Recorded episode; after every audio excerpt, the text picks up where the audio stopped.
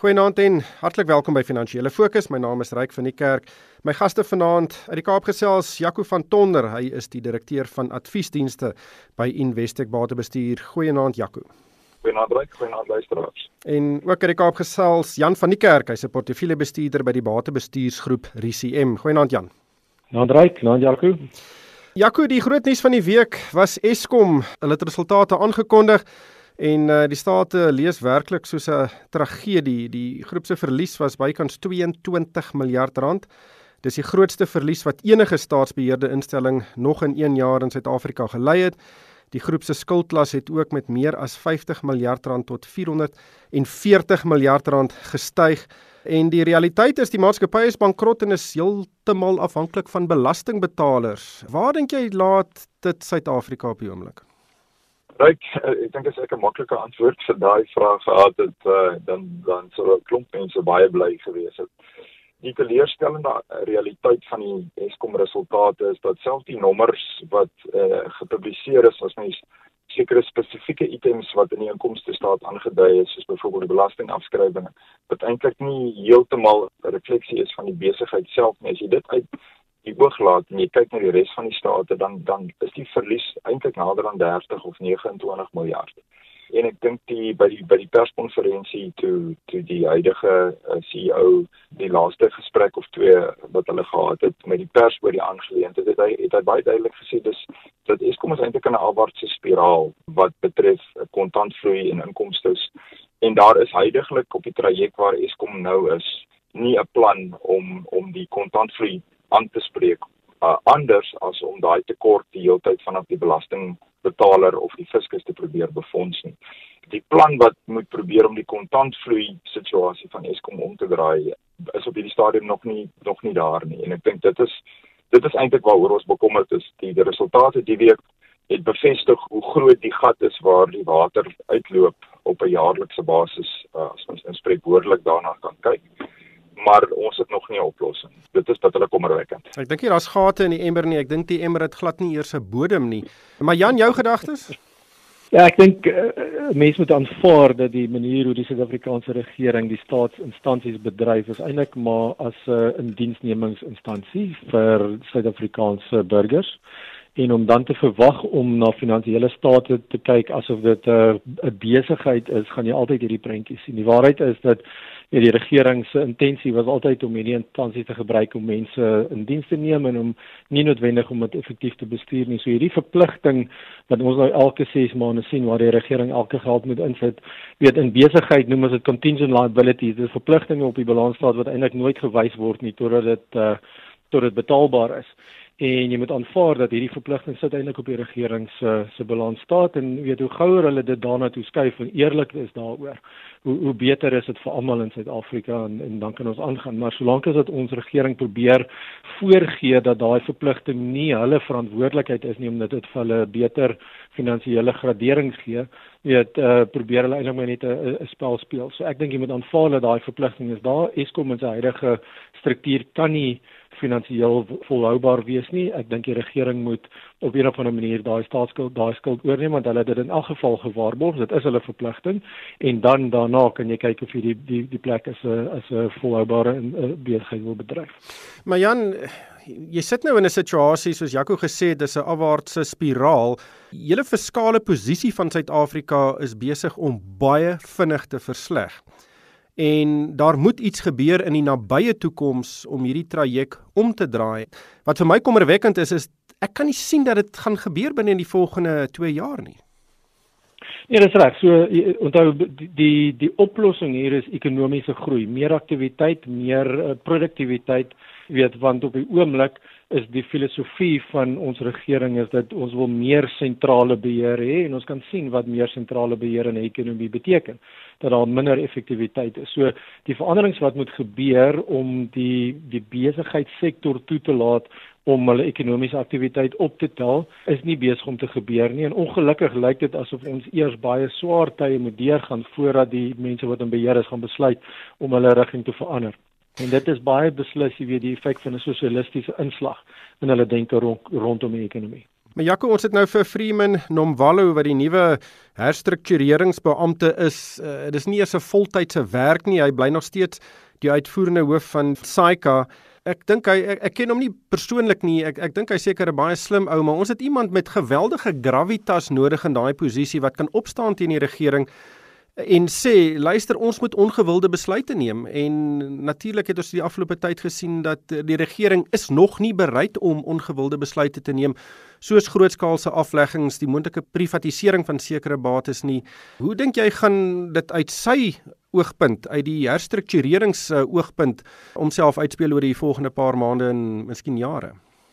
Kyk, ek dink dink dis 'n dis 'n goeie stap in die regte rigting om iemand te hê en, en hy is inderdaad 'n knap individu wat die stokke kan vat op op die op die finansieringskant. Want dit is eintlik maar die groot probleem. Dis Eskom is boonop die operasionele probleme het hulle enorme finansiële probleme en iemand wat die roete kan help bestuur deur daai slaggate van herfinansiering en oorrol van staatsskuld en wanneer dit hulle staatshulp nodig om seker van die betalings te befonds en hoe hanteer ons die soos, soos wat ehm um, uh, Jan ook aangedui die proses om van die skuld op die balansstaat van die regering te plaas ek sou dink mense sou iemand soos die voltyds nodig hê net om daai gedeelte te hanteer want ek dink die interaksies met die verskillende krediteure is 'n verskriklike fyn proses wat baie mooi bestuur moet word anders kan kan die markte teen jou begin draai en, en en dan kan die hele situasie in 'n kredietkrisis ontaard. So dis wat mense ten alle koste wil vermy en ek dink dis wat die uh, minister van finansies ten alle koste wil vermy.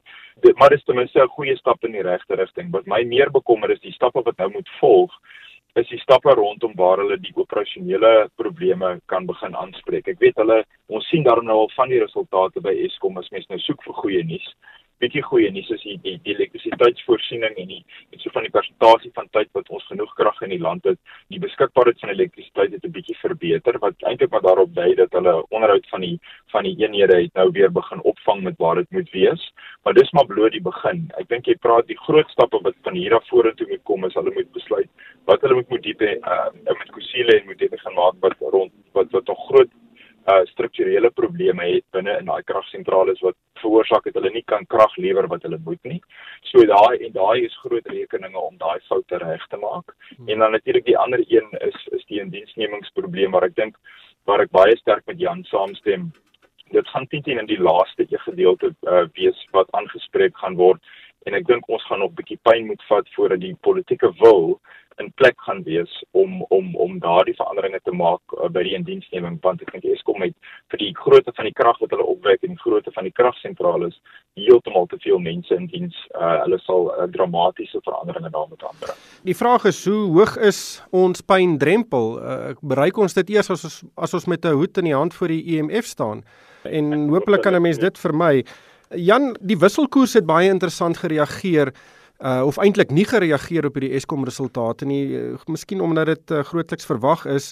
Ons het ook hierdie week gehoor dat daar 'n rekord uitvloei van buitelandse kapitaal uit Suid-Afrika was, die meeste sedert uh 1998. Maar toe wragtig toe gaan reageer die rand baie baie sleg op die uh, aankondiging dat die FSA dalk nie so aggressief uh, rentekoerse daar gaan sny nie. Hoe sien jy die wisselkoers op die oomblik? Ja, ek, ek dink wat jy beskryf is eintlik maar die feit dat die rand dollar wisselkoers, want dit is die die koers waarna jy verwys, word baie meer gedryf deur die siening op met internasionale geldeenheidsmarkte of valuta markte as op die siening op die rand ek dink tot 'n groot mate het buitelanders 'n goeie idee dat hierdie Eskom verpligting eintlik maar die staat se verpligting is en weet daar's daar was nie 'n verrassing daarin nie en dat dit meer gedryf word op beleggers se siening oor wat in Amerika aangaan. Die ander ding wat jy in gedagte moet hou is dat rentekoerse in die res van die wêreld is eintlik verskriklik laag en as jy as 'n dollarbelegger Suid-Afrikaanse staatsskuld koop en jy neem versekerings uit om jou geld om jou valuta risiko uit te neem, dan kry jy vandag nog steeds 4.5% rente in dollars.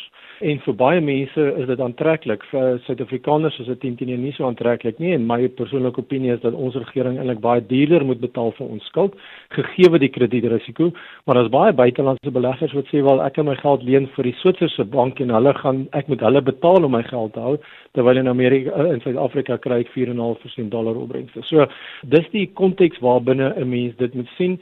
Ek dink hierdie kwartaallikse kapitaalvloeye is eintlik inherënt volatiel. Die vorige kwartaal het ons eintlik een van ons grootste valute invloed in die land gehad. So ek dink ou moet te veel lees in die in die kwartaallikse syfers nie. Miskien moet jy na die die 12 maande of die 2 jaar valute vloei kyk en daar het Suid-Afrika eintlik nie so sleg gedoen nie. Onthou kommoditeitsmarkte doen goed. Jy weet steenkool, yster, ertspryse, eintlik alles buite platinum doen goed en ons kry dit reg om dieselfde hoeveelheid goedere maar teen beter pryse te verkoop. So ons het goeie valute inkomste. Die die probleem is nie met ons met handelsbalans nie, die probleem is met die ekonomie binne in Suid-Afrika. Ek dink ook daai 4.5% opbrengste waarna jy verwys het moet ook gesien word in die konteks van baie lae inflasie in die res van die wêreld. So die reële koers is uh, is is wesenlik. Jaco, jou jou siening? Die rand het hierdie week 'n hele paar goed gehad wat gebeur het en insluitend natuurlik oornag meneer Trump se aankondiging van moontlike verdere handelssanksies teen of, of tariewe teen China. En ek dink die storie van die rand dollar is uitnet ek stem met Jan saam. Dit is 'n sentiment refleksie van wat in die buiteland gebeur, veral met opkomende markte relatief tot ontwikkelde markte. En en ek dink daardie golwe op hierdie stadium dryf dryf die geldeenheid. Die groot gat wat is maar Eskom in Suid-Afrika en die impak wat dit kan hê vir die toekoms van die land is vir die oomblik dink ek in die prys onder die aanname dat die staat gaan instaan vir vir vir die Eskom staatsskuld op 'n of ander manier. En ek dink dis wat in die rand gereflekteer is en heel moontlik hoekom daar nie veel reaksie was nie. Maar ek dink die die gebeure rondom dit wat veral in die buiteland op die oomblik gebeur uh dryf bitter sterk wat ons wisselkoers is relatief tot die pond met met al die Brexit verwikkelinge. En dan met meneer Trump en en sy handelsoorloë uh, wat wat ook 'n groot impak het op die posisie van die dollar. Jan jy het vroeër verwys na dat die regering staatsbeheerde instellings sien as 'n instrument om uh, mense in diens te neem. Ons het ook hierdie week gesien dat die werkloosheidskoers tot 29% gestyg het wat geweldig hoog is en en die tendens van stygende werkloosheid gaan net aan. Wat was jou indrukke van daardie syfer? Ja, ek dink die dis dis 'n tasbare bewys dat die beleid verkeerd is in 'n vry mark wat gebeur as wanneer ekonomiese aktiwiteit optel is die mense wat nie noodwendig in 'n staatsinstansie in diens geneem word nie word in ander dele van die ekonomie geabsorbeer. En ons gaan eintlik baie beter werkskepping in 'n omgewing soos dit. Maar wat ons wel sien is dat ons regering as hulle hierdie hierdie werkloosheidssyfers sien dan eh, soos die Engelsman sê hy double down hulle wil eintlik meer reëls maak en meer dinge forceer En wat hulle nie verstaan nie is dat werksgeleenthede is nie iets wat deur die regering geskep word nie. Dis iets wat deur die private sektor geskep word binne 'n omgewing en 'n raamwerk waar die regering hulle ondersteun. En totdat ons daai gewaarwording kry by ons beleidsmakers, gaan dit net in dieselfde rigting aangaan en gaan die werkloosheidssyfers toeneem binne 'n wêreld waar daar eintlik ander tegnologiese drywer drywers is wat gaan beteken dat meer mense in die, in in die wêreld weet hulle werk kan verloor omdat tegnologie dit kan oorneem. So hoe gouer ons beleidsmakers hulle hulle opinie verander, hoe beter vir Suid-Afrika en selfs dan gaan dit nie 'n vinnige omdraai wees nie. Dit gaan baie lank vat om dit te verbeter. Maar Jaco, dis veral ongekwalifiseerde jong mense wat nie werk kry nie. En ek dink dis die grootste bedreiging van sosiale stabiliteit in Suid-Afrika is hierdie groeiende uh, aantal jong mense wat nie werk kry nie en en veral is die fiskale posisie van die regering sodanig verswak dat ons nie meer sosiale toelaas kan betaal nie. Dis 'n geweldige groot risiko.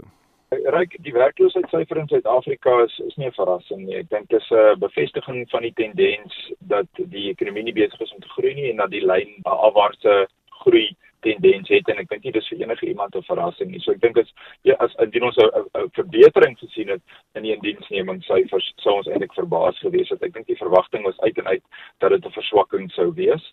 Kyk, die hele die kompleksiteite rondom die die Suid-Afrikaanse werkloosheidsposisie het, het soveel fasette. Uh, Jan raak aan een van die kritieke fasette wat is dat die beleidsomgewing eintlik nie positief is vir die private sektor om langtermynbeleggings te maak wat lei tot verdere werkskepping vir vir vir Suid-Afrikaanse mense nie.